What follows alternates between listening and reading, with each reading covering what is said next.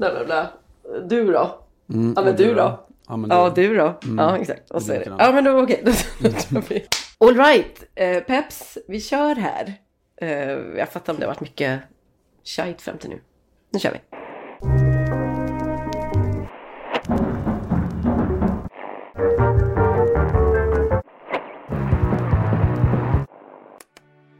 Som en ung, förälskad och lite klumpig man som försöker erövra kvinnan i sina drömmar förberedde jag mina fraser så som man skriver en sonett. Jag ville verka seriös och säker på mig själv. Visa vid första tillfället för denne republikens ikon att han just gjort entré på mitt territorium, i mitt madridska område.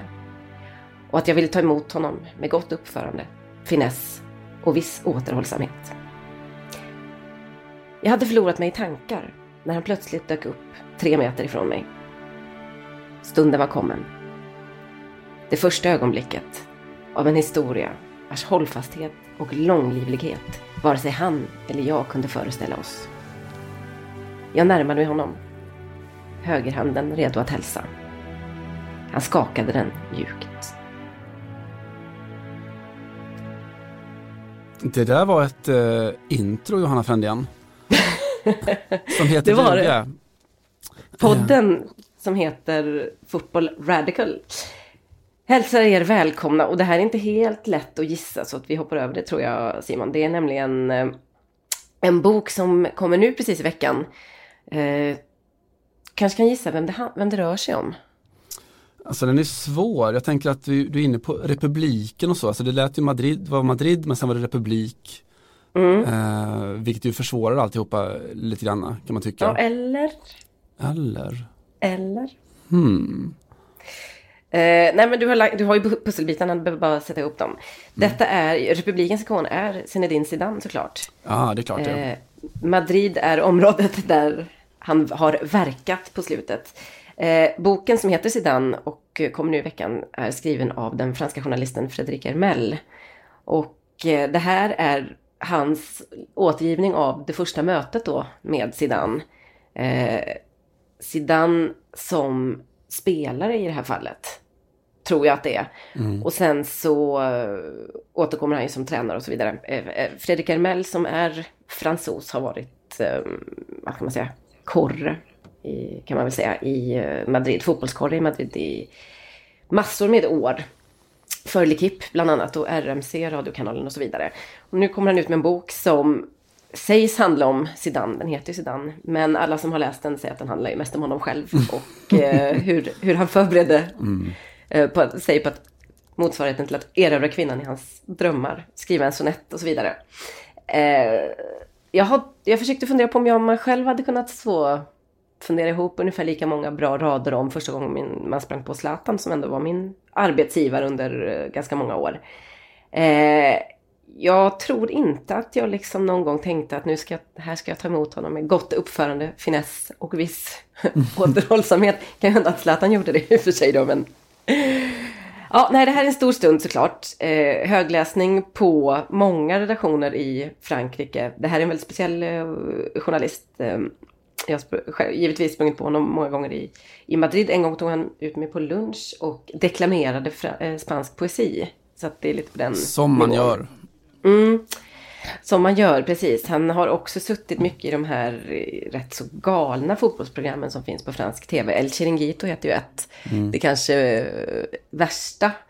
Och där man liksom inte håller tillbaks med sina lagsympatier. Och suttit där och, eh, och, och, och rört sig själv till tårar över ett sms som han påstod att han har fått av Zinedine Zidane vid ett tillfälle. Vilken bra Eh, distans det känns som.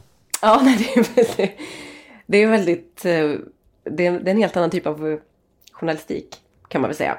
Eh, Zidane, boken kommer i veckan. Jag ser väldigt mycket fram emot att läsa mer än, jag har bara fått lite smakprov. Det är lite fint, han har, gett- han har gett upphov till en ganska diger fauna av eh, kulturella tolkningar sedan. Alltså, eh, en av de finaste filmer som gjorde med fotbollsspelare, den här, eh, vad heter den, ett porträtt från det 21 århundradet när de hade 27 kameror som filmade eh, Sisus sista match i Real Madrid. Mm, mm. Som ju också hade jättefina sådana kvaliteter. Det blir mer och mer sånt. David Beckham också jättefin sån här konstinstallation när man filmat en, en natt där, där Beckham ligger och sover och sådär. Just det ja.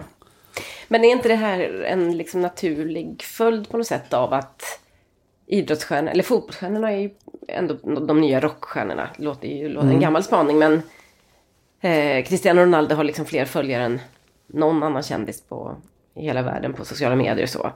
Så att det går inte bara att... Det, det hade varit konstigt om det bara var sportjournalistiken som förhöll sig till dem på något sätt. Ja, men det är också intressant. Jag tror att det är kanske är en viss sorts spelare som ger upphov till finkultur känns det som. Ja, så är det såklart. Och ehm. Zidane är ju rätt given med tanke på att han var en sån, är en sån artist. Ja, eh, och att han inte kan prata eh, så mycket så kanske det, man får hitta andra uttrycksformer lite grann. Han är inte typ som autist och så vidare. han eh, kämpar på.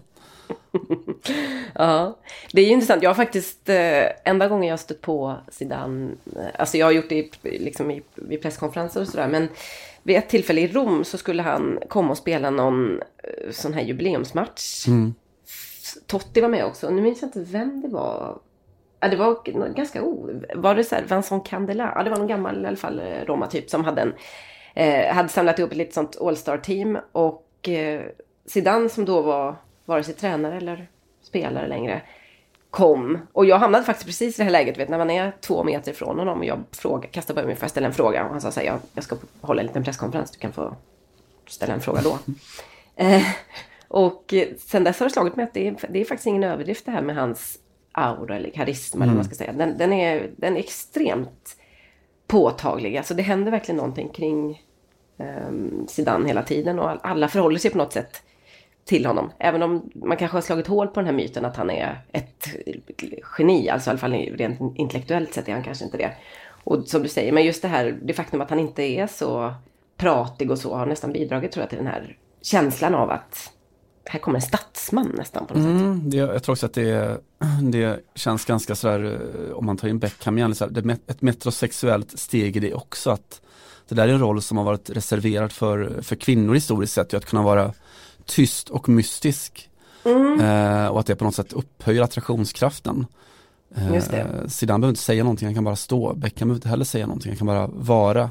Beckham ska ju helst inte öppna munnen, för det, det låter lite, lite pipigt och lite ohärligt faktiskt. Ja, lite, lite så. Om man nu får vara objektifiera. Och det, ja. vilka, vilka, är vi att och så vidare. att inte. Mm, att inte, det med. Mm. Uh, nej men klart, det är klart att vi ska läsa om Zidane.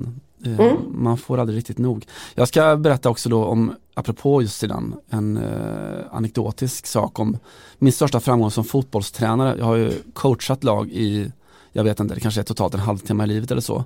Mm. men i mitt då gamla, kan ha varit på den tiden vi spelade division 5 eller så och vår spelande tränare blir utvisad och jag blir väl utbytt och ska då coacha vårt tiomannalag sista 20 minuterna. Eh, vi har en, vår nummer 10, eh, Bato Antonovic som utöver mycket annat då bland annat älskar David Beckham och Zinedine Zidane, kanske mest av alla i hela, i hela Sverige. Och jag vill då få ut en order till Bato att men nu, nu är vi bara tio man, du får ha en roll som eh, att du liksom defensivt får du droppa ner på vänstersidan, offensivt får du vara fri och vandra inåt. Eh, och jag försöker liksom ropa ut det till Bato, Bato låtsas som att han inte förstår, han fattar inte vad, vad menar du liksom. Mm -hmm. eh, jo men alltså du, defensivt måste du ner, utgångsposition till vänster. Bato förstår fortfarande inte. Eh, då ropar jag till Bato, fem, fem. Han har upp fem fingrar i luften. Som Zidane, ja precis. Eh, och sen var det klart. Sen mm. tog, tog vi en poäng, vi gjorde ett mål med tio man och jag tror att Bato spelade fram. Så coachar man, det gäller att oh. kunna sin publik. Och du menar att du ändå inte fick förnyat förtroende efter det här? Nej, vidrigt. På grund av sagt. den strukturella rasismen inom svensk fotboll så fick jag inte det. de hatar fan folk från Kina. Ja, de gör ju det, med, med all rätt. Mm. med eftertryck. Mm. Du, annars då, vad har, eh, vad har du gjort sen senast? Annars då? Ja, eh, lite av en två plus helg kanske. Mm. Uh, inget som sticker ut så jättemycket. Jag, insåg för övrigt för ganska nyligen att eh, jag hade en sån eh, sms-konversation med en eh, vän och kollega. Han frågade alltid hur läget? Ja, jag brukar säga två plus, två, två och en halv sådär. Tre ibland. Och han, var, och på, han har varit såhär, men vad fan, vad ska vi göra? Jag bara, nej men alltså det, det är inga liksom, det är helt okej, okay, det är mitten på den sådär. Tills jag insåg att, just det, han jobbar ju på Lekip. Mm. Eh, de har en 10-gradig skala där. Han måste ju tycka att det lät som att jag skulle ta livet av oh, Ja, och så nu sa jag till honom, det är Aftonbladet-skalan. Eh, Damien, kan du den? Vad heter det på franska, eh, Aftonbladet-skalan? Eh, L'Echelle Suédoise, säger vi. Såklart. Mm. Det är väl egentligen alla utom Svenska Dagbladet har, har väl typ samma. Just det, Dagbladet-tärningen. Ja, den är fin. Mm. Den har de i Norge mycket tror jag också. Man hade gillat ur så här rent konsumentperspektiv, jag tänkte filmrecensioner eller bokrecensioner, att ha ett, ett mynt istället. Eh, sådär, är det här krona eller klave? Alltså, ska, jag, ska jag läsa skiten eller ska jag inte? Tumme upp eller tumme ner? ja. Ja, nej, men jag, min, min, min helg har väl varit lite, läs, lite läsvärd eh, ändå. Eh, utan mm. att eh, den har stuckit ut. Mm. Eh, konstaterar att Saint-Étienne slog Monaco på hemmaplan. Mm. Och eh, ja, det var ungefär så roligt eh, det blev i helgen. Förutom att när Monaco då precis i slutminuterna fick Ruben Aguilar utvisad. Eh, Deras hundrade utvisning den här säsongen. Mm, de var lite missnöjda, precis.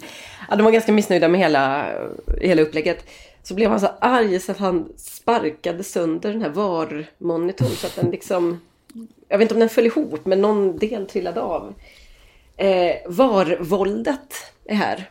Äntligen, det var fan inte en sekund för tidigt. Nej, precis. Det roliga var att VAR hade inget att säga om hans tilltag här. Och VAR kan tydligen inte reagera på att de egna så att säga, kamerorna blir misshandlade. Så att det fick ändå då, det straffet kommer ändå delas ut i, i efterhand. Fan, man kan eh. göra någon sån här remake på din succé-tweet om miljörörelsen, att du efterlyser en militant miljörörelse. Eh, mm. Man har ju länge efterlyst en militant antivar-rörelse och här, här finns den, Aguilar är vår kille. Mm. Det är också ett bra, ett bra namn för en revolutionär kan man tycka. Ja, verkligen. Ja, nej men här är ett, ett varvåldet som vi på alla sätt kan eh, acceptera. Det riktar sig inte heller mot, eh, det riktar sig mot eh, ägodelar men inte personer eller vad man brukar säga. Människan mot tekniken, det är så här Terminator 5 eller Terminator 6 eller vad det nu blir. Ja. Vi eller dem. Ja, just, ja jag kan inte populärkultur. Men.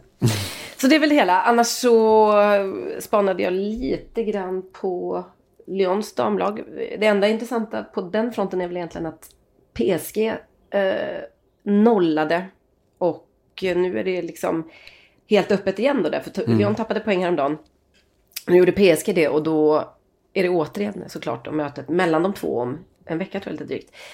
Som kommer bli jätteavgörande då eh, rimligtvis i, på damsidan i, i Frankrike. Där vår vän Hanna Glas ska mm. ner till Lyon och försvara PSG-färgerna. Anna, äh, Anna Glass. Ja, just det. Fantastiskt. Som hon ju heter på franska.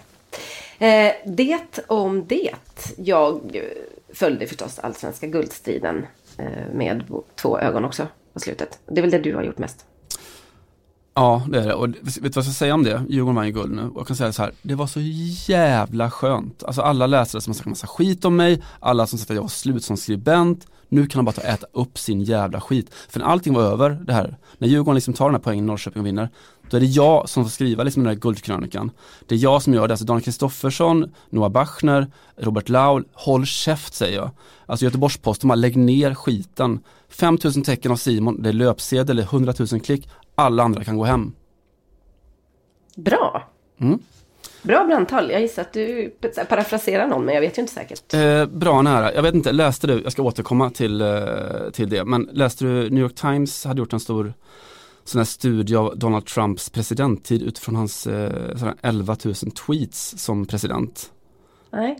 Eh, de då gjorde en så här, kvantitativ analys och konstaterade att ungefär varannat då är en attack mot något eller någon. Ja. Eh, de börjar den här ambitiösa genomgången så här. Uh, on the morning of in inauguration day in 2017, Donald J. Trump tweeted an opening message to the United States. Uh, och sen då, det som följde var en störtflod av personangrepp, raseri och skryt. Och då tänkte jag att, för att återkoppla då till mitt lilla brandtal i början där, att det där låter ju precis som ett helt ordinärt killfirande. Så. Alltså, Just det, ja, ja, ja, att man ska, det här att hela tiden ha en måltavla eller ha liksom en, eh, vad ska man säga, en, här, nästan påhittad eh, och lite så eh, paranoid eh, Go, eller vet du, ja, Goliat att slåss mot kan man Ja, så? alltså det är så jävla mitt i prick Johanna, för att alltså, då efter när Djurgården har vunnit sitt SM-guld där eh, i lördags, så man kan liksom tänka att alla borde vara himla glada och sådär som man är då när man har vunnit en enormt stor framgång tillsammans med sina, sina polare. Men alltså killar som firar är ju mest arga oftast då. Mm. Eh, jag, stod, jag stod då i så här spelargången på, på nya parken där och, eh, och de kommer ut och spelar och alla är så här löddriga av triumf liksom. Och den, den första som jag stötte på är, är Astrid Ajdarevic som, eh, som går förbi först och sen så vänder han sig om och så ropar han då eh, Astrid gör inga poäng men Astrid vinner titlar, skriv det imorgon! Eh, och liksom utöver då att han har missat hela den här utvecklingen med, med internet då att man skriver rätt mycket, mycket snabbare än, än, än nu då. Det var ju sympatiskt i och för sig. Ja men lite. Det kan ja, jag, han tänkte så här, imorgon ska jag gå och köpa tidningen och ja, det är sådana som han som, som gör att vi ändå fortfarande har betalt för det här jobbet. Simon. Lite så, men det är, så att, mm. det är ett speciellt fokus att ha då. Så det var inte bara det, utan det var så här, Djurgården, de hånade liksom Hammarby Eh, allihopa liksom pratade om att hur utdömda de var, att det var, alla hade sagt att de var dåliga spelare. Och, men nu är de mästare. Och sen så följer då liksom någon sorts störtflod av personangrepp, raseri och skryt. Och det är verkligen inte unikt för, för Djurgården. Liksom. Det, är så som, ja, det är så som killar firar. Det är bara vissa som håller på andra lag. Som är journalister, tyvärr. Som har fått smaka lite idag. Vilka är det som inte kan något då? Oh, det är många. Jag kommer rabbla upp dem om tre, fyra dagar. kommer jag rabbla upp vartenda en utav dem. Vilka är det som har fått smaka, eller vad sa du? Ja, de har fått smaka. Kurk! Zlatan eh, står ju alltid någon fiende när han vinner och... Det här är väl en, jag tänkte just det, det är väl en total Zlatanifiering egentligen av att fira en seger. För att det kom lite grann honom vill jag påstå. Det här är väl inte något, något ur pursvenskt drag. Sa jag inte. Nej men förstår du jag menar? Att, att, att det här att man liksom måste, att, att det måste bli ett sånt narrativ kring det. Mm. Här, ingen trodde på oss. Alla, jag menar, det var inte så att ingen trodde på, alltså det var väl kanske inte så många som trodde att Djurgården skulle ta guld i början av säsongen. Men det var inte så att, att fem krönikörer bara stod och pissade på Djurgården och kallade dem idioter, eh, mindre vetande, ni kan dra åt helvete. För så, det är väl lite så det låter nu för tiden. Typ, ingen trodde på oss, alla hade fel, vi har bevisat. Så ska man liksom spy ur sig de här, eh, som du säger, och massa angreppen och hit och dit. Ja, alltså verkligen. Eh, att man måste, alltså, så ser vinnarberättelsen ut och den ser mm. ut så, det, det är liksom en ganska unikt manlig egenskap har man märkt liksom. Peter mm. Handke får sitt nobelpris, men då ska han hata journalister och be alla dra åt helvete. Mm. Eh, och jag, jag, alltså jag har försökt då fatta liksom för det, man kan inte liksom ringa in en seger som, som bara är en seger för sig själv utan det måste, varje seger kräver en, en fiende så. Ja just det, men då ska jag vilja också tillägga det att Peter Handke hatade journalister, eh, i och för sig även innan då, nu har jag ju läst det fruktansvärt mm. mycket Handke på slutet, stackars mig. eh, men verkligen, han går verkligen till frontalangrepp i, redan på 90-talet mot mm. journalister. Men inte bara det, utan det är också när Svenska Akademin ger honom priset. Mm. Eh, så gör de ju också det som en liten så här, fuck you alla journalister. För nu mm. ger vi det här till någon som eh, både hatar er lika mycket som vi gör. Mm. Alltså journalistkåren då, framförallt den svenska kanske. Och dessutom så visar vi att eh, ja, men vi står fria och vi, bara för att ni tyckte att det var lite besvärligt att en av de våra åkte in i, liksom, på två år mm. för våldtäkt. Så betyder inte det att vi inte kan eh, hylla andra män som är problematiska. Förstår du vad jag menar? Att det blir lite så. Det är lite tonårigt av både akademin Hanke och eh, Astrid Ajdarevic, inte så? Det, det är jävligt synd om, om liksom högertrollsvansen på sociala medier att de inte läser böcker för då hade man kunnat använda det här jävligt mycket och så här endorsa akademin kan man tycka. Ja. Det är ju alltså underbart liksom. De, de eh, har inga problem med, med män som gillar starka män och de uh, hatar, uh, hatar också journalister. Ja men det är väl väldigt mycket så. Alltså det är väl lite en, en, en så bastuklubb numera. Ja. Ja, ja. Och då ifrån, från Dylan och framåt egentligen. Verkligen. Ja. Men ja, alltså jag har försökt gå till grunden till varför det då krävs för, för män att man måste uppfinna en yttre fiende, någon sorts så fantasifoster som man måste döda liksom för att Mm. kunna, kunna njuta fullt ut. Och tänker att närmast då rent för förstå den psykologiska processen tror jag att man kommer med, med konspirationsteorier, eh, hela psykologin bakom det. Mm. Eh, jag har läst en hel del av en, eh, en engelsk professor som heter Karen Douglas eh, som då har studerat det här jättemycket. Eh, och hon har ju tagit fram det här att ofta så är liksom konspirationsteori blir ett svar på att du liksom känner dig att du inte har någon kontroll längre, att du har en ångest eller känner maktlös och känner dig lite hotad. Eh, och man kan tycka att idrottssituationen innehåller alla de där, de där momenten. Liksom. Eh, att det blir en sorts förklaringsmodell som, som du behöver. Eh, hon har också pratat då, Karen Douglas, om, eh, om just eh, så här, hur, hur, hur idrottsfans eller supportrar ofta då eh, omfamnar konspirationsteorier eh, och säger då att dels handlar det om någon sorts grupptillhörighet och att de måste ha en egen identitet och så. Eh, och att du, ja att du, att det, det handlar om att ha någon sorts yttre fiende och att du, som du behöver identifiera dig kring då eller mot och sådär. Mm. Eh, och hon har fått frågan om vilka människor är det specifikt och som, som tror, om man ska generalisera, på konspirationsteorier. Eh, och det finns rätt mycket forskning då som handlar om vilken sorts eh, persondrag eller personlighetstyper då som, som eh, lättast fastnar för konspirationsteorier, och sociala faktorer och sådär.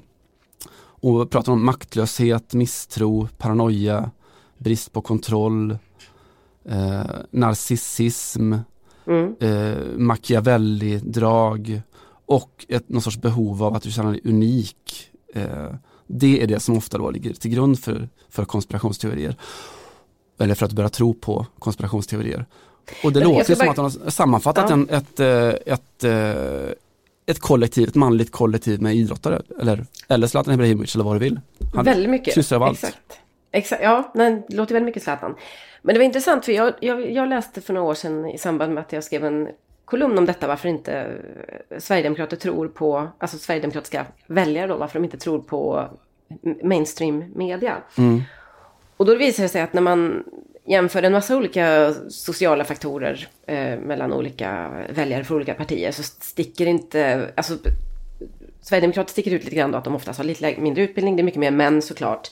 Eh, de finns oftast i lite mindre orter och sådär, det man kan tänka sig. Men det enskilt mest, eh, vad ska man säga, utstickande draget, eller det som verkligen, verkligen totalt klipper av dem från övriga väljare är hur lite de tror på ja, auktoritet, eller myndigheter och media framförallt. Och alltså det var så, det var, det var så, det är en sån enorm skillnad jämfört med övriga partiers väljare.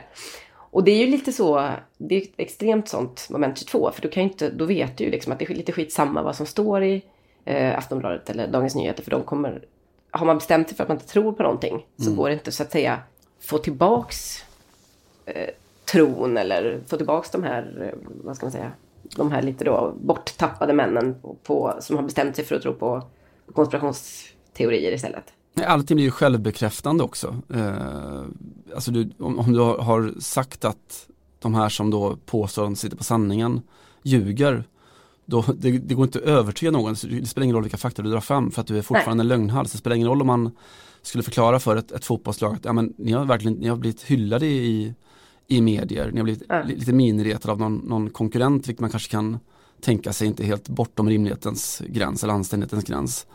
Eh, det spelar liksom ingen, inte längre någon roll. eh, jag vet andra forskare som har, som har konstaterat att, att sociala medier verkar där inte vad gäller konspirationsteori egentligen vara en faktor. Det, det, behovet av konspirationsteorier har inte ökat med sociala medier, inte spridningen heller. Nej. Egentligen. Däremot så är det uppenbart att de som då eh, till exempel ofta delar eh, forskning eller eh, sådana saker då. De eh, sysselsätter sig oerhört sällan med konspirationsteorier och omvänt. Alltså det finns ingen sådär, det är den där ekokammaren som man pratar om på sociala medier, att det, det finns så jävla vattentäta skott däremellan. Mm. Så att det är liksom ingen som kan fatta någon sorts eh, rimliga, väl underbyggda beslut utifrån, att- utifrån att man har sett båda delar. För att antingen så är du på ena laget eller på andra laget. Ja, just det. Ja, just det. Men hade det inte varit lite kul att jämföra hur typ Åtvidaberg eller så Degerfors firade eh, en allsvensk seger eller ja, ett allsvenskt guld för den delen på 70-talet. Och bara så här, vad, hur, vad var berättelsen liksom? Vad var deras narrativ? För det känns som att det kanske var väldigt mycket eh, någon så här Ralf Edström typ som sa att på lite så värmländska att det var, det var roligt och nu ska vi fira och imorgon ska vi träna igen. Eller, Och jag Ja, älskar de här grabbarna. Titta på dem, titta på målvakten liksom. Han eh, Mm. har, har inte släppt ett skott i år. eh, nej, man har tyckt om det. Man har tyckt att det hade varit en, på något sätt en, en, en härligare vinst att ta. Och jag tror också, Mm. alltså min, min empiriska erfarenhet är att det är en oerhört stor skillnad på, på just dam och herrsidan. Eh, hur, hur retoriken går efter stora vinster. Mm, de scenen där man kanske verkligen, verkligen har skäl att dra upp Exakt. hur jävla motarbetad man har varit hela sitt liv.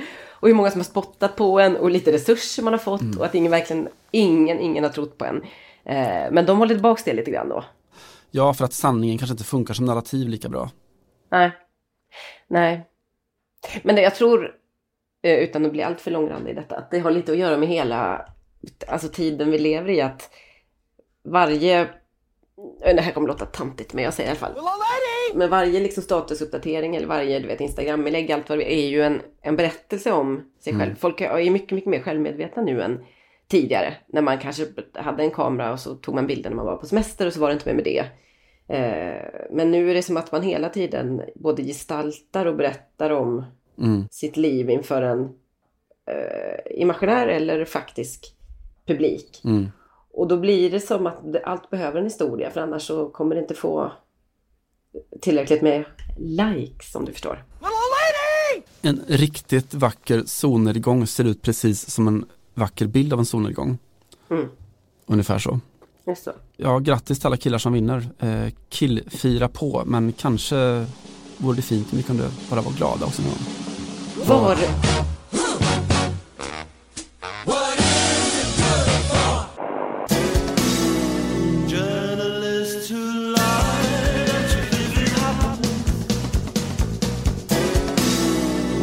Det blev mycket uppmärksamhet i helgen, Simon, när Brescia, Ballotellis Brescia, åkte till Verona och mötte Hellas.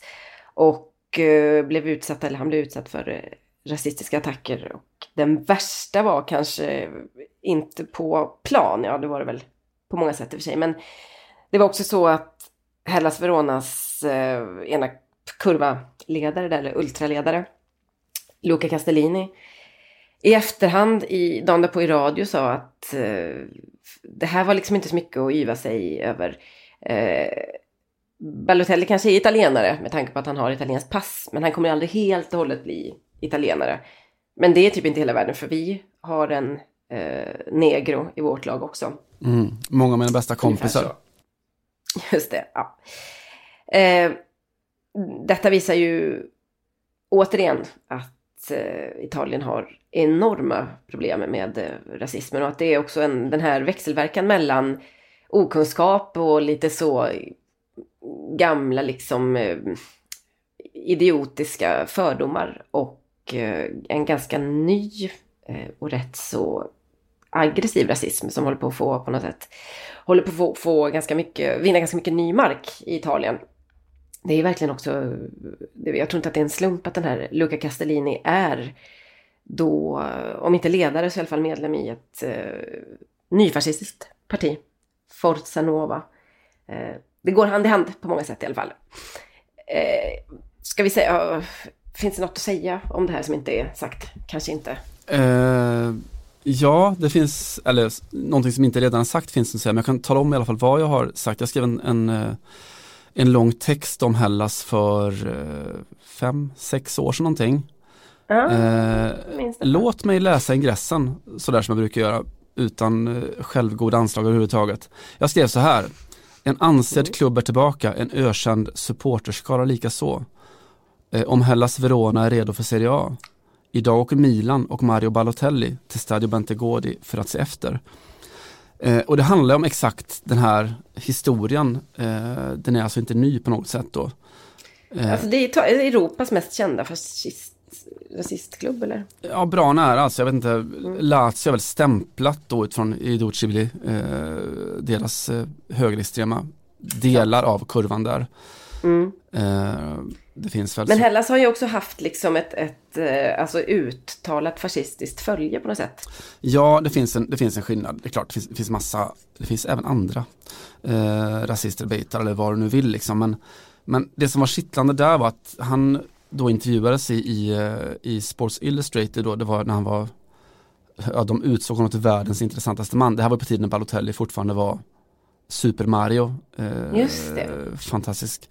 Han Och- fick pryda omslaget och allting där. Precis så. Eh, och fick då just en fråga om då att spela premiären just mot Hellas, just i Verona. Eh, vad skulle han göra om, om supportrarna då mötte honom med rasistiska eller apljud eller sådär. Sk- Skulle han gå av planen eller vad ska han göra? Och Mario sa att eh, jag hoppas att de inte kommer säga något. Om de gör det kommer jag försöka göra mål med all min kraft och när jag gjort det, då kommer jag säga något. Eh, och det var ju från Hellas håll då som nu så... Kanske ett sånt killfirande som hade, där han hade haft lite fog för att säga eh, era jävla idioter, ni har varit emot mig och så vidare. Det kan man säga. Det fanns en, en grund i en, en ytterst konkret verklighet. Eh, men alltså redan då så var det liksom borgmästaren i Verona vet jag var ute och sa att eh, jo men det är Mario, om han bara slutar provocera så mycket skulle allting bli mycket bättre. Mm. Eh. Och sådär, det fanns Mm. Om du inte skriker på mig så kommer du inte få stryk. precis. Men det är som du säger liksom att jag vet att det funnits här eh, rapporter och där, nu snackar vi kanske sent 90-tal, tidigt 2000-tal då från alltså statliga rapporter där man man slog fast just att Hellas, såna, deras eh, Kurva Sud där är liksom en, en sån experimentverkstad för, för eh, extremhögern uppe i norr. Ja, det är ju också intressant att till och med på eh, Maradonas tid, när eh, Napoli kom, för han gjorde, Maradona gjorde alltså sin debut då i Serie A mot Verona borta, Mm. Hellas. Och eh, ni som har sett filmen om Maradona som vi har tipsat om tidigare, minns kanske det här och jag vet inte om det var exakt den här matchen, men jag vet att det, nej det var nog mer kanske när de skulle upp och möta Juventus. Men oavsett i alla fall i den här matchen, eh, då, eller inför den här matchen mot Hellas Verona, så var, fanns det ju extremt mycket banderoller då, som typ välkomna till Italien och Mm. tvätta er innan ni kommer hit och så vidare. Riktat mot södra Italien, alltså det finns ju en, fanns redan då, finns fortfarande en extrem, eh, vad ska man säga, nationell rasism där mellan syd och nord. Eh, som Maradona pratar om på ett ganska fint och intressant sätt i filmen faktiskt. Att han sa att han var helt oförberedd på Mm. att, det skulle vara, att de skulle bli så utsatta i, i norra Italien då när de kom med Napoli för den här typen av rasism. Alltså det är ju intressant som eh, såklart som politisk fråga, som en fråga om kring rasismen, som en fråga kring Italien. Det är också en, en jätteintressant fråga kring just supporterskap och så. Alltså Hellas kan inte svära sig fri från vissa saker. De har så här vänt sig mot demoniseringen av både klubben och, och staden och, och allt sånt där. Men det är ju ett faktum, om nu sånt fortfarande gäller, att de har en historik av att de liksom inte har kunnat värva svarta spelare. Jag vet på 90-talet var de, de höll på och förhandlade med någon, någon svart eh, eh, någon svart eh, back. Och då gör Kurva att de hänger upp eh, en sån här svart docka i en snara från, eh, från, från läktaren under, under något derby mot, mot Kiev. Och där presidenten sa själv att men, skulle jag värva en svart så hade, hade liksom eh, kurvan hängt med, eller lagt mig på grillen liksom. Eh, så lite får man också sortera sådär, alltså det som de själva Ultras pratar om är ju någon slags inner, inneboende anarkism som ju i sina bästa former är rätt härlig på, på ståplatsläktarna. Den absoluta gränsen går väl en bra jävla bit före att, att vara så jävla dum i huvudet så att man är fullblodsrasist. Det är fortfarande en protest mot någon sorts etablissemang och provokation och allt det där men Men det är fortfarande rasism, det går liksom inte att vända sig, vända sig ifrån det. Nej. Nej, det, var, det är väl ganska exakt det som det handlar om. Och det är väl det som gör att eh, folk, eller vad man ska säga, har överseende med, med de här yttringarna. Men eh, jag tror att problemet i Italien just nu är att det håller på... Det, det har funnits, det har alltid funnits, eller det har funnits eh, i modern tid har det i alla fall alltid funnits. Men det, rasismen kommer med liksom med en ny kraft nu på något sätt. Mm. På Maradonas tid var det, då var han, blev han lite chockad. Jag tänkte att vi gör en liten Maradona-koll. Maradona som har ersatt kanske en annan argentinare, Jorge Valdano här som våran, vårat så stående inslag. De är så lika. Eh, de är ju det, vet du. Eh, de, han fyllde år förra veckan och då gratulerar vi honom. Eh, I den här veckan så konstaterar vi att eh, i man kan säga, familjen Maradona så oroar man sig lite grann. Hans dotter eh, Gianna, nej Giannina heter hon. La upp ett klipp eh, häromdagen, eller hon la upp en post i alla fall på sociala medier där hon sa att hon var orolig för pappas hälsa. Eh, de äter upp honom inifrån ungefär, var budskapet. Eh, och hon jämförde med ett, någon form av så lejon på zoo som man liksom ger massa piller för att de ska hålla sig lugna och barn ska kunna klappa dem. Alltså, det här var väl syd, syd, sydamerikanska Eh, I alla fall orolig för eh, pappas hälsa. Eh, pappa, mamma klev in i eh, debatten och eh, inte så mycket, hon var inte lika orolig verkar det som, över eh, Maradonas mående. Men Claudia, Claudia Villa Fenja, heter hon så? Hans, ja, gamla, mamman till, eh, till båda döttrarna i alla fall, ha, ligger ju i, Villa Fanny, heter hon, ligger i eh, en rättslig tvist med eh, Maradona. Det är egentligen han som har anklagat henne för att ha lurat honom på pengar. Så hon klev in här och sa att så här, ja, ja, om du nu mår bra och inte så dåligt som, eh, som vi är många som liksom oroar oss för, så kan du väl i alla fall ha försöka dyka upp på förhandlingarna, vilket inte har hänt en enda gång då, domstolsförhandlingarna. Eh, Maradona attackerade från väldigt många håll där, väldigt många kvinnor i sin närhet. La ut ett klipp där han svarade uh, till framförallt uh, Giannina då, att först och främst så var han ledsen över att uh, hans uh, gymnasia förlorade mot Estudiantes i helgen. Det hade tagit hårt på honom. Eh, I övrigt så kände han sig inte alls död utan snarare mer levande än någonsin. Eh, det var lite så, hej, jag vill bara säga att jag håller inte på att dö här utan eh, jag mår väldigt bra. Jag jobbar väldigt mycket och eh, det är jobbigt att förlora en match såklart. Men jag vet inte riktigt vad Janina menar eller hur jag ska tolka det. Jag vet bara att ju äldre man blir desto mer tar man hand om sig själv och jag är muy muy sano. Tack så mycket. Estoy muy, muy sano. Muy sano. Gracias. Och så passar han på att hälsa att eh, alla pengar och alla tillgångar han har eh, kommer han donera bort. Så att det var, om det var så att någon av hans barn hoppas att han ska dö, om det kanske var det, att det inte var ett rop på hjälp utan lite så, pappa ska du inte dö snart?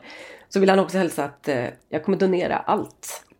Och så kommer det till något över till Janina. Jag vet inte varför jag skrattar. Det här är ju en djupt tragisk historia. Eh, väldigt så eh, inbillar jag mig argentinsk eh, på i så kubik och kvadrat liksom. Attackerar från alla håll från olika kvinnor som vill ha eh, olika saker av honom. Eller möjligtvis bryr sig lite om hans välmående. Eh, Maradona själv hälsar att han mår utmärkt, jobbar mycket och några pengar blir inte över till er snorungar. Så ni kan sluta fundera på min eventuella död. Ja, Hasta la det, victoria siempre. han, är, han kliver Det var min anmärkning. Ja, men det finns någon slags eh, vänsterhållning i det också. Han är för en hundraprocentig arvsskatt helt enkelt. Ja, precis. Han har läst Piketty, det är det han har gjort. Ja, han har gjort det kanske. Eh, ja, Ja, det finns alltid någonting kring Diego, så är det ju.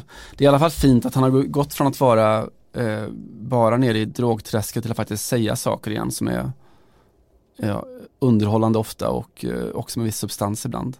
Det Ja. känns som att han är mer, mer hälsosam än på länge. ja alltså det känns ju som att så illa som det var under VM förra året. Mm. När han liksom inte knappt kunde stå upp rätt i, på läktarna i Ryssland. Känns som det är lite bättre sedan dess, även om han har vissa fysiska problem. Han har gjort någon knäoperation och, och vad det är. Kontakta mig för mer information om Diegos, så att säga, medicinska journal. Mm, fint. Eh, Ja, veckans eh, Maradona. Den ska vi ha.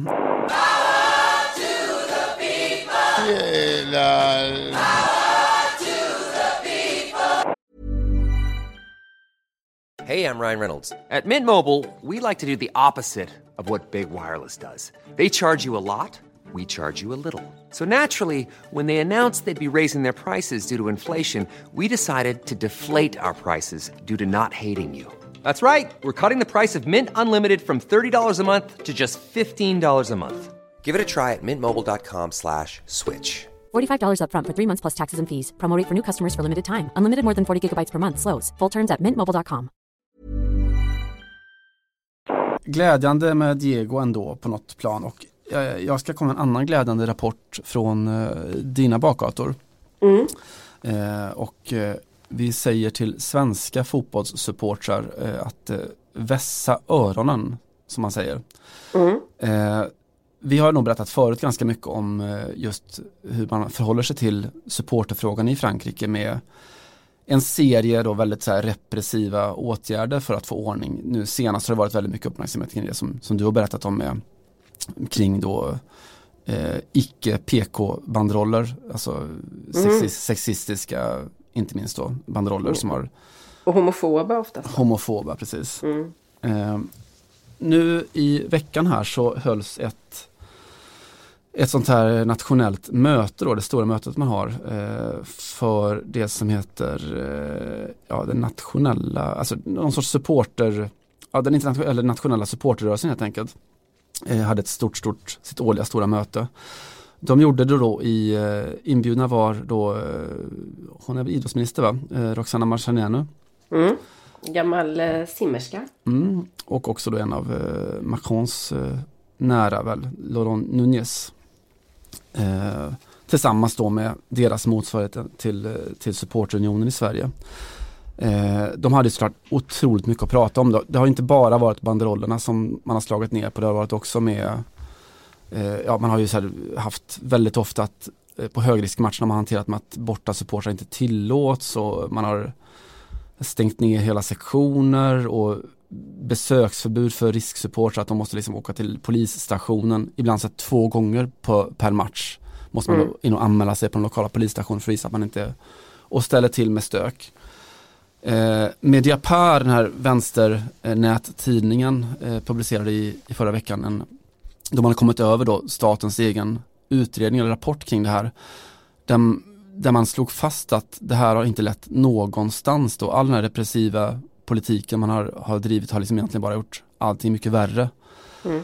Eh, samma sak eh, dök egentligen upp, alltså det här var ju bäddat för enorma konflikter eh, såklart. Alltså, politikerhatet i de här kretsarna är ju enormt, alltså går definitivt att jämföra med, med läget hur det har varit i Sverige med, med polis, motståndet mot polisen eh, här hemma under den här allsvenska säsongen.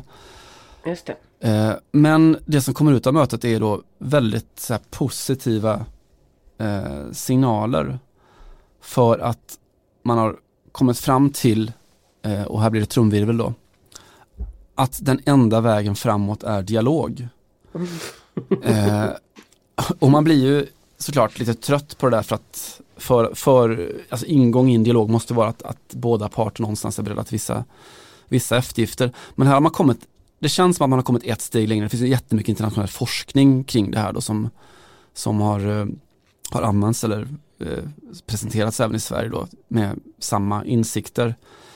Men här, man pratar väldigt mycket om, man förstår, man har lokaliserat till exempel pyroteknik som en nyckelfråga. Eh, man har börjat arrangera försök med då legaliserad pyroteknik. Eh, man har kommit fram till att före högriskmatcher så måste man ha möten då mellan åklagare, polis och supportergrupper eh, tre veckor före match då för att komma fram till vettiga lösningar. Försöka sluta med det här med att och förbjuda borta supportrar för att det har också orsakat egentligen mer stök än, när man har tillåtit dem. Alltså, Mm. Dessutom har man då eh, summerat nu ett, ett försök som har löpt då eh, under ett år med test då i både Liga och Ligue 2 eh, hos eh, Amiens och Saint-Étienne bland annat då med ståplats eh, och konstaterat att det har varit en, en succé så att väldigt mycket talar för att man, man kommer kunna gå vidare med det experimentet och, och få tillbaka ståplats i, i fransk fotboll för första gången på, på två årtionden.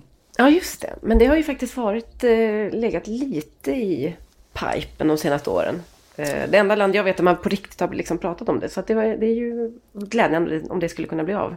Det är glädjande och det är ett, eh, ett gott exempel tycker jag. Eh, återigen, det här är liksom ingen, ingen ensidig fråga. Det är inte, alltså dialog förutsätter två parter och så vidare. Men eh, jag tycker om tanken på att Frankrike är ett land där depressionen gått oerhört mycket längre än, än hos oss i Sverige. Så har man landat i samma insikter som, som vi har gjort här, även om inte vi har, det här har lett till, till konkret dialog. Att ja, det är det man måste göra. Man måste acceptera läktarnas särart på något sätt, att det finns ett mått av anarkism. Man måste dra, dra någon sorts lägre gräns för, för hur, hur den friheten ska se ut, men att det måste finnas en frihet om man kommer fram till.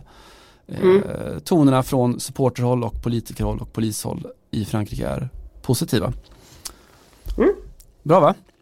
Ja, jättebra. Jättebra. Jag eh, ser mycket fram emot. Alltså det, det är också någonting som, det, det kan låta lite avmätt eller lite lyxigt att säga från pressplats. Du vet ju också hur det är, man sitter ganska långt ifrån där det mesta händer och oftast och, och liksom kanske känna ändå att det har hänt någonting betydligt med stämningen på många arenor de senaste åren. Och det, det är nästan alltid att den har blivit sämre. Eh, I alla fall sen jag började i skrået så att säga.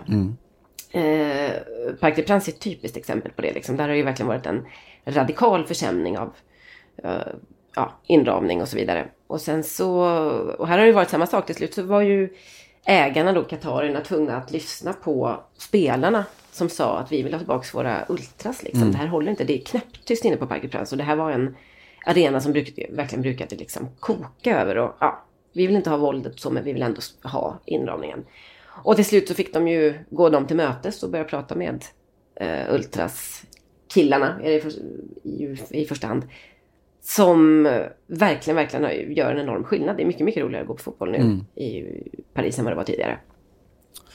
Så är det ju. Football without fans is nothing som Jock Steen sa, Celtics legendariska tränare. På tal om straff och eh, ja, bestraffningen inom fotbollen i en bredare mening så tänkte jag plocka upp ett litet exempel innan vi rundar av veckans avsnitt. Från eh, veckan. Det är nämligen så att ikväll så möter Napoli Salzburg i Champions League. Igår, eller möjligtvis i förrgår, så meddelade det, den illustre ägaren Aurelio de Laurentiis att eh, Napoli ska in på Retiro.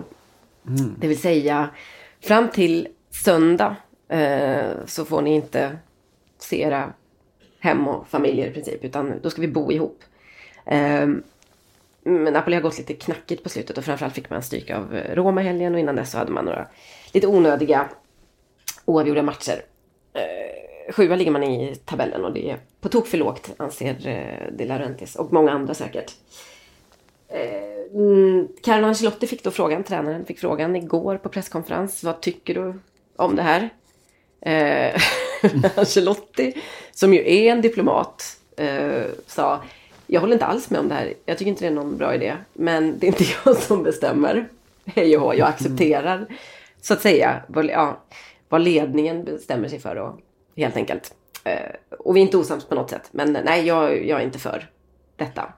Eh, en intressant eh, dynamik där kan man känna mellan då ägare eller president och tränare. Sä, säger lite om Ancelottis status också, att kunna, kunna säga så. Ja, precis. Men säger också lite om, tycker jag, den här förmågan, eller förmågan, men kanske hans drag som gör att han ofta blir lite överkörd. Alltså han är, det är inte, här är inte en man som är ovan att jobba under så att säga starka presidenter. Han har ändå jobbat under så här, Qatar då, staten. Han har jobbat under eh. Silvio Berlusconi. Och eh, precis, och han har jobbat under eh, Abramovic. Tack så mycket. Så han, han vet ju vad det är och, och, och, och så att säga eh, operera med ett litet utrymme under ganska diktatoriska presidenter. Och han gör det väldigt bra tycker jag, eh, Ancelotti. Han, han bara tar ner det så här. Nej, jag tyckte inte alls det här var någon bra idé. Så, jag vill inte att mina killar, jag vill inte se dem dag ut och dag in, men okej. Eh, det fick mig att tänka på lite vad som är, det här är ju lite som skamvrån på något sätt inom fotbollen. Eh, men det är väldigt mycket Italien man tar till det här. Alltså går saker och ting dåligt, då är det retiro. Det är liksom svaret på allt. Det är alltid svaret på allting. Vi måste bara gadda ihop oss, eh, ta in på hotell och eh, tillbringa natt och dag tillsammans. Då kanske det löser sig. Men det är också, det, dels är det ju den aspekten då, och det var det de lyfte fram här mycket, att, eh, och Del, De Laurentiis framförallt, att ah, det är så mycket spelare som inte var med under i somras då när vi hade försäsongsläger och så. Några kom i efterhand och vissa var skadade och hit och dit. Så vi behöver liksom en ny lite så Eh, get together. Lite så bootcamp helt enkelt. Så han menade av, av sociala skäl att det här var som eh, behövdes. Eh, det finns ju andra, återigen då det här är väldigt typiskt för Italien, men jag vet att Pep Guardiola blev väldigt populär som tränare för att han hade ju själv spelat ganska nyligen och dessutom spelat lite grann i Italien. Och sa att jag, jag minns att som spelare tyckte jag det värsta var det här, de här eviga hotellnätterna. Ehm, före match, både på hemmaplan och på bortaplan. Och till slut blir det liksom inga dagar kvar i veckan. När det, framförallt när det blir fler och fler matcher också inom, inom den europeiska fotbollen. Det blir inga dagar kvar att träffa sin familj. Så han bestämde sig på, på ett tidigt plan för att eh, Barcelonas spelare skulle sova hemma inför match. Och eh, så länge det liksom inte skulle märkas på planen eller få några dåliga effekter på spelet så tänkte han hålla fast vid det. Ehm, vad, vad, och då jag funderar lite på det här med bra straff som funkar inom fotbollen, typ skamvrån. Eh, om vi har några motsvarigheter i, i liksom norra Europa eller i Sverige eller kring allsvenskan som du ändå kan eh, utan och innan eh, Simon. Vad är ett bra, vad är ett bra straff? Alltså man har gått rätt mycket ifrån de här fysiska bestraffningarna med att, eh, vet, straffträningen och, och allt sånt Biltest där. eller kvadraten. Ja, allt det där. Nu, förlor, Idioten med det. nu förlorar ni så nu får ni springa för berget med, med stenryggsäck och sånt där. Mm. Det här, vi kan kalla det Uday Hussein-vägen. alltså Saddam Husseins son var det väl, som, som var på irakiska landslaget och eh, ja, det var så här, missar du, missar du straffen så, så eh, torterade de deras spelarens fötter eller han Mm. ho- hotade att döda spelarna om, om de förlorade matcher och sånt där. Ja, just det. Men det, det, är ju- alltså, det är ju ändå rimligt, alltså, om, om det nu är så att straff funkar så då borde man kunna gå hela vägen. Tänk vilka resultat man får, vilka resultat Uday Hussein borde ha fått med den sortens retorik och hot liksom. Mm. Det borde funka toppen. I Sverige, jag tror inte att vi har så mycket sånt. Jag, jag hade ju en, eh, Men det är för att vi har för dålig, förlåt, men det är för att vi har för dålig aktivitetstänk i Sverige. För jag menar i, i Nordkorea när de åker hem från fotbolls-VM till exempel och åkte ut då i lite så gruppen. Då, då vet man ju att nu här väntar något arbetsläger och nu ska de ner i en grotta och nu kanske de inte får träffa sina familjer på 30 år. Men inte fan tar en svensk statsminister, vad, vilken färg han än har, någonsin liksom till den här typen av, alltså du vet 2008 eh, fotbolls Petter Hansson kanske skulle haft ett straff där då från eh, nu ska vi se, 2008, ja, Fredrik Reinfeldt. Petter Hansson, en av de som hatade Retiro också. Jag vet prata om om honom i, när han kom till Rennes och jag tror att i Monaco hade de nog just det att de bodde på hotell, det var inte Retiro kanske, men att de bod- bodde på hotell före matcherna. Sen, sen kom de till Rennes och de hade inte det och han var så oerhört uh, själaglad över det. Ehm, Ja, jag har nog valt min klubb ut efter det ganska mycket. ja, om det, ett- om det är ett riktigt, riktigt bra hotell. Precis. Femstjärnigt med, med gym och bastu tänker du. Då kanske man ändå hade tyckt att Ja, om man kan få så här var hotelspoäng och sånt. Ehm, Ja, okej, ja, du tänker så. Tionde bokningen gratis och så vidare. Mm, precis så. Eh, nej, alltså i Sverige har vi varit svaga på det. Jag vet att eh, senaste exemplet var väl just Brommapojkarna som ju under sin förre portugisiska tränare eh, det var, då var det straffträningar eh, när, de, när de förlorade och sådär. Eh, och det var ju alla former av penalism och bestraffning. Han blev ju så att säga inte kvar i den svenska kontexten men det var, det var ändå ett uppenbart exempel på hur Det var fel lite du som straffade ut honom. det var lite jag Om som straffade ut honom. Förlåt för Ja. det. Eh, Kunde du inte bara låtit det här lite, liksom, lite mer disciplinära tänket få råda i alla fall i en klubb i Sverige Simon? de kanske hade behövt det, nu åkte de ur eh, en division igen. Det är vad B- BP gör, de går upp eller åker ur varje säsong. Så eh, förlåt för allt kan man säga. Ja, Vi hade kanske behövt en De Laurentiis här i Sverige. alltså någon som inte är rädd att ta i med hårdhandskarna. Alltså en hade varit roligt, kan jag En, tycka. en hade, det hade varit värda i alla fall. Alltså ett lag som hade varit så ett skräcklag att spela i. Man vet liksom att slår man en pass som är liksom pyttelite för lös. Eh, eller du vet, landar så 75 centimeter framför fötterna på den som man har tänkt sig så. Så väntar någon form av mangling efteråt. Det kan ju vara psykologiskt Ja. också. Ja. Plus att du skulle dessutom kunna ena laget med en, eh, en fiende. Killar vinner inte utan fiender, så är det ju. Nej, du ser. Exakt. Eller hur? Eh, finns väl det, det mest klassiska exemplet på bestraffningens värde och den yttre fiendens värde är väl eh, Förlåt nu för gammal historia men Miracle on Ice, alltså USAs eh, hockey eh. Då var det ju Herb Brooks, tränaren, som tog på sig tog på sig rollen. Då var det straffträningar, så enorma monsterpass direkt efter en förlorad match och sådär. Vilket ledde till att spelarna började hata honom och älska varandra och eh, vann OS. Där har du det. Det är exakt så det ska gå till. Så ska det gå till. Exakt så. Mm. Drick sprit, kasta pil, ha det gött, ha lite kul. Ut ur EU. Gott. Eh, ger du oss en profil Simon? Har du någon Mm, sån? jag gör det. Eh, jag har en sån. Eh, och veckans profil, jag tänker att det kan vara Irma Dulce Pontius. Santa Dulce. Eh, som inte längre är med oss, men hon kan ha profilen då. För hon är nämligen med oss. Hon har precis nu i, ja, för ett par dagar sedan bara, då kanoniserats i, i Vatikanen. Alltså upplyfts till officiell helgonstatus av, av påven. Eh, vet du vad som Inte många krävs för det? Tre eller? Eh, jag vet, nej det måste vara många fler va? Nej, jag tror inte att det är så många fler. Varav en är drottning Kristina. Heliga Birgitta och Santa Lucia och Eller? Där hade du allihopa. Ja. du ser. Eh, Ja. Vet du vad som krävs för att bli eh, helgon? Det finns en tydlig kravbild. Ja, det är väl något så här bestående insatser under många år i, på ett gudsfruktigt sätt kanske. Nej, det tror jag är Nobelpris i litteratur. Ja, eh, nej, två mirakel krävs bland annat då. Eh, det som eh, Irma... Alltså, ett mirakel är inget mirakel, två Nej, mirakel är en vana. Mm. Jag tycker att det är sunt. Santa Dolce då. Jag, kan också, förlåt, förlåt. förlåt. Det är ganska roligt också i att man i den här ändå lite så esoteriska eller inte så jättevetenskapliga idén om att mirakel finns. Att man ändå Mm. vill kontrolla, kontroll, kontrollkolla med två stycken. Det ska inte vara något jävla one hit wonder. Av, utan- av, av varandra oberoende instanser och så vidare. Exakt så. Exakt så.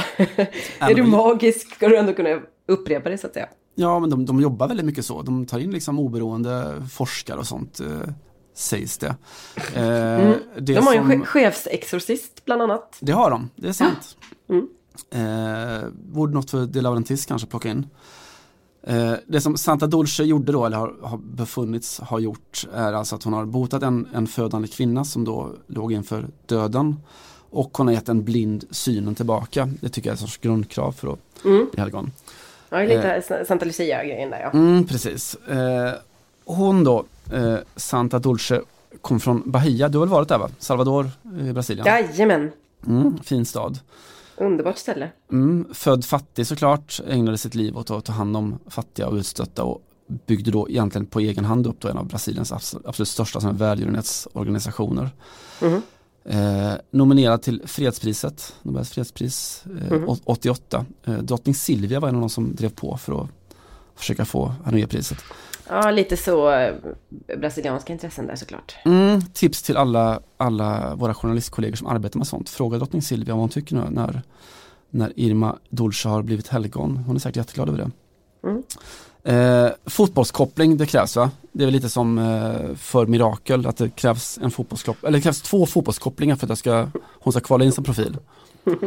Ja, en, en hade jag köpt också, men okej. Mm, vi kör två. Eh, Och då är det att hon i en tv-intervju då precis innan hon dog eh, så berättade Irma om sin, sin barndom då. Hon, hennes mamma gick bort när, när Irma Dulce var väldigt liten. Eh, Irma, säger du. ja, Sy- syster helt enkelt. ja, just det. Sant. Mm. Syster eh, Dulce då. Mm. Mm. Ja, det är väl rimligt om man är någon Det, form av ja, det är det hon går under. Sa- Santa, Santa Dulce också då. Eh, Numera. Mm. Eh, och då utan en mamma och med flera små barn. Så det som pappan i familjen gjorde var att för att ena familjen och hålla ihop den var att han tog med alla sina barn på, på söndagar. På retiro. Ja, han straffade dem att gå på fotboll helt enkelt. Eh, De Okej, såg jaha. eh, det som då hette Ipiranga. Eh, Och då var Bahias stora klubb på den tiden. Vi snackar väl kanske 30-talet ungefär. Irma själv, Irma Dulce älskade att spela fotboll själv och hon gjorde på något torg där i, i Salvador. Och hon var eh, dunderförtjust i då, det som var den tidens stora stjärna Popo. En svart mittfältare med krokiga ben. Kort sagt en brasiliansk fotbollsspelare. Känns som att det finns en eh, uppsjö av just sådana. Ja. Eh, hennes stiftelse då, den sponsrar fortfarande då den lokala fotbollsklubben där i Bahia och då, dagen då innan hon skulle kanoniseras och upplyftas som, som helgon så mötte då just Bahia Fluminense på Maracanã. Eh, en match som var speciell på två sätt. Då. Dels så kom Bahias lagkapten eh, Lucas Fonseca in på planen med en helgonfigur i handen istället för en sån här vimpel. Vimpel. Mm. Eh, för att eh, Santa Dulce skulle vara med på matchen såklart. Mm. Den andra saken då, eh, det andra miraklet eh, för er faktiskt var att eh, Fluminense i matchen då tränades av eh, Marcao Oliveira. Bahia tränades av Roger Macado. Två svarta tränare i samma match i den brasilianska första ligan. Gissa Johanna, hur ofta har det hänt förut i Brasilien? Jag skulle kunna tänka mig att det aldrig hänt tidigare faktiskt. Exakt så, och hur sinnessjukt är inte det?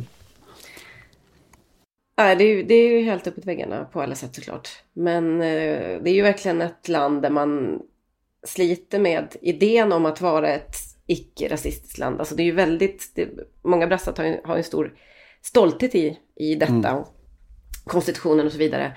Men hur vita människor ändå av, av, på grund av gamla strukturer och, och nya och eh, strukturer som bara får fortsätta. I princip alltid det är de som har liksom privilegierna i och de, de höga positionerna och så vidare. Ja, det är väl kopplat, det går lätt att koppla till den europeiska så här, postkoloniala kontexten också att alla de här lagen som har lyfts fram som, som så här, tecken på en lyckad integration och eh, multikulturalismens stora framgång och så. De tränas ju alltid av vita tränare. Så Mm. är det, och det är bevisligen samma sak i, i det enormt multikulturella Brasilien. Mm. Eh, båda de här tränarna och coachar den här matchen i iklädda t-shirts med tryck då från det som heter Brasilianska observatoriet för rasism inom fotbollen. Eh, och efter matchen så höll Macado tal då, eh, Bahias tränare på lite samma tema som du var inne på. Han sa så här, eh, att förneka att rasism finns i Brasilien är ett sätt att bekräfta den. Samma sak med min position som svart i elitfotbollen. Den värsta diskriminering jag utsatts för är inte förolämpningar eller plumpa skämt utan den strukturella rasismen. När jag pluggade på universitetet så var jag den enda svarte i klassrummet och alla pengar som jag tjänade som spelare de gör att jag kan gå på restauranger där det knappt finns några andra svarta. Folk brukar säga att det visar att det inte finns någon rasism. Men det faktum att jag är den enda svarte där visar just att rasism existerar. Mm. Salvador är ju också den, nu är vi uppe i norra Brasilien, som är liksom eh, svartare Brasilien helt enkelt. Där det är, eh, dit är väldigt många afrikanska eh, emigranter eller slavar, var det väl, kom på ja, 1700-1800-talet. Så att det ses ju, av många, många i Brasilien kallar dem afrikaner helt enkelt. De som är från den här delstaten eller runt omkring i ja, Salvador framförallt. Nej, jag tyckte det var, det var fint. eh, Det var fint att eh, helgonet fick vara med på ett hörn. Jag tyckte att det var starkt av eh, Macado framförallt att visa just att det brukar ofta bli så att den här enskilda hjältehistorien brukar användas som någon sorts argument för att problemet inte finns. Eh, Just det. Men att de tog sin chans att lyfta upp just strukturen och hindren som, som finns. Ska vi slå fast att nuvarande påven eh, Franciscus ändå har en liten misstänkt slagsida mot att så kanonisera människors, alltså religiösa typer som har Religiösa, sagt. som har en fotbollsförankring. Tycker det behöver kännas lite misstänkt som att han ändå har det som ett sånt urvalskriterium. Vad tror du? Är det ett problem för dig? Absolut inte. Eh, Men om man hade satt upp två sådana kontroll, kontrollinstanser som de ju verkar vara förtjusta i så tror jag att många hade, många hade så att säga eh, slagits av att eh, komma igenom första var inte så svårt men för att komma igenom den andra så behöver du ha ett, ett genuint fotbollsintresse. Sant. Eh, jag håller det för honom, du håller det mot honom. Jag bara konstaterar.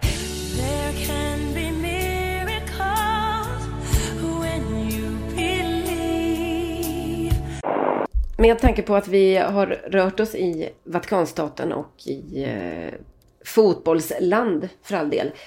Så måste jag tipsa om en tv-serie som, jag är inte någon jättestor konsument av tv-serier på något sätt. Men de, det finns en som har markerat mig lite grann, som man brukar säga på latinska språk. De senaste åren. Eh, Young Pope, Simon, såg du den någonsin? Med Jude Law som eh, ung, snygg och ultrakonservativ nyvald påve. Eh, ja, det gjorde jag. Eh, jag ser allt med Jude Law. Han är ung, han är snygg och han är ju livslång Tottenham-supporter. Det är tre skäl så goda som någon. Se där ja. Mm. Och eh, har ju ofta eh, eh, lite så speciellt förhållande till sina barnflickor. Vilket eh, inte har med någonting att göra, mer än att vi kan bara slå fast det. Paolo Sorrentino är det ju som har gjort den här eh, fantastiska serien. Eh, han har ju också gjort en film om Berlusconi som kom för något år sedan, som är sevärd också. Eh, La Grande Bellezza var väl hans stora genomslag för några år sedan. Och sen så gjorde han en film som heter Youth också med Harvey Keitel bland annat. Rachel Weisz, en fin bit. Det också. Michael Caine också tror jag. Hur som helst, The Young Pope kommer nu i en andra säsong. Och kommer att heta The New Pope. Eh, och då är det John Malkovich som spelar den nya stand-in-påven. Eh, vad som hänt med The Young Pope är att han befinner sig i någon form av koma när serien inleds. Så de behöver en, en, någon som hoppar in helt enkelt. Jag vill egentligen bara tipsa om den, The Young Pope om ni inte har sett den. Och The New Pope har inte haft premiären på fransk tv. Den har det nu alldeles eh, strax, om någon vecka någonting. Jag ser väldigt mycket fram emot eh, denna. Och älskar man interiörer från Vatikanstaten, vilket man så att säga gör, så måste man se den här för att de har ju fått, eh, trots att han är väldigt eh, kontroversiell, Sorrentino och eh, ofta eh, väldigt så på kant med eh, katolska kyrkan så har de eh, fått till det fantastiskt fint med eh, som sagt interiörerna och eh, den här vatikanska känslan. The New Pope, håll utkik efter den. Det ska jag. Eh, såklart. Och gud vilken fin ingång det där blir till en utgång. Eh, man kan tänka sig en uppföljare som heter No Pope. Inspelad i vissa mer brittiskvänliga delar av Glasgow eller så. Eller kanske inte. Eh, men eh, jag tänkte ta oss till eh, Nordirland, egentligen ganska okommenterat. Eh, månadens supportrar till det nordirländska landslaget. Det finns en sån, en sån utmärkelse. Den här månaden så är det ett eh, lokalt band som heter Pretty Cartel.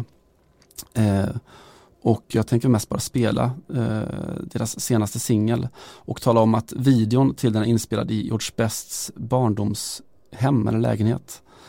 Eh, jättefin video, eh, så här gitarrbaserad, eh, väldigt nordirländsk musik. Eh, och jag kan tala om lite hur de tänkte när de valde eh, hur de skrev sin, sin lyrik till, till singeln. Eh, sångaren Dee McElroy berättar hur han då först kom på meningen som han tyckte var fin för just George Best.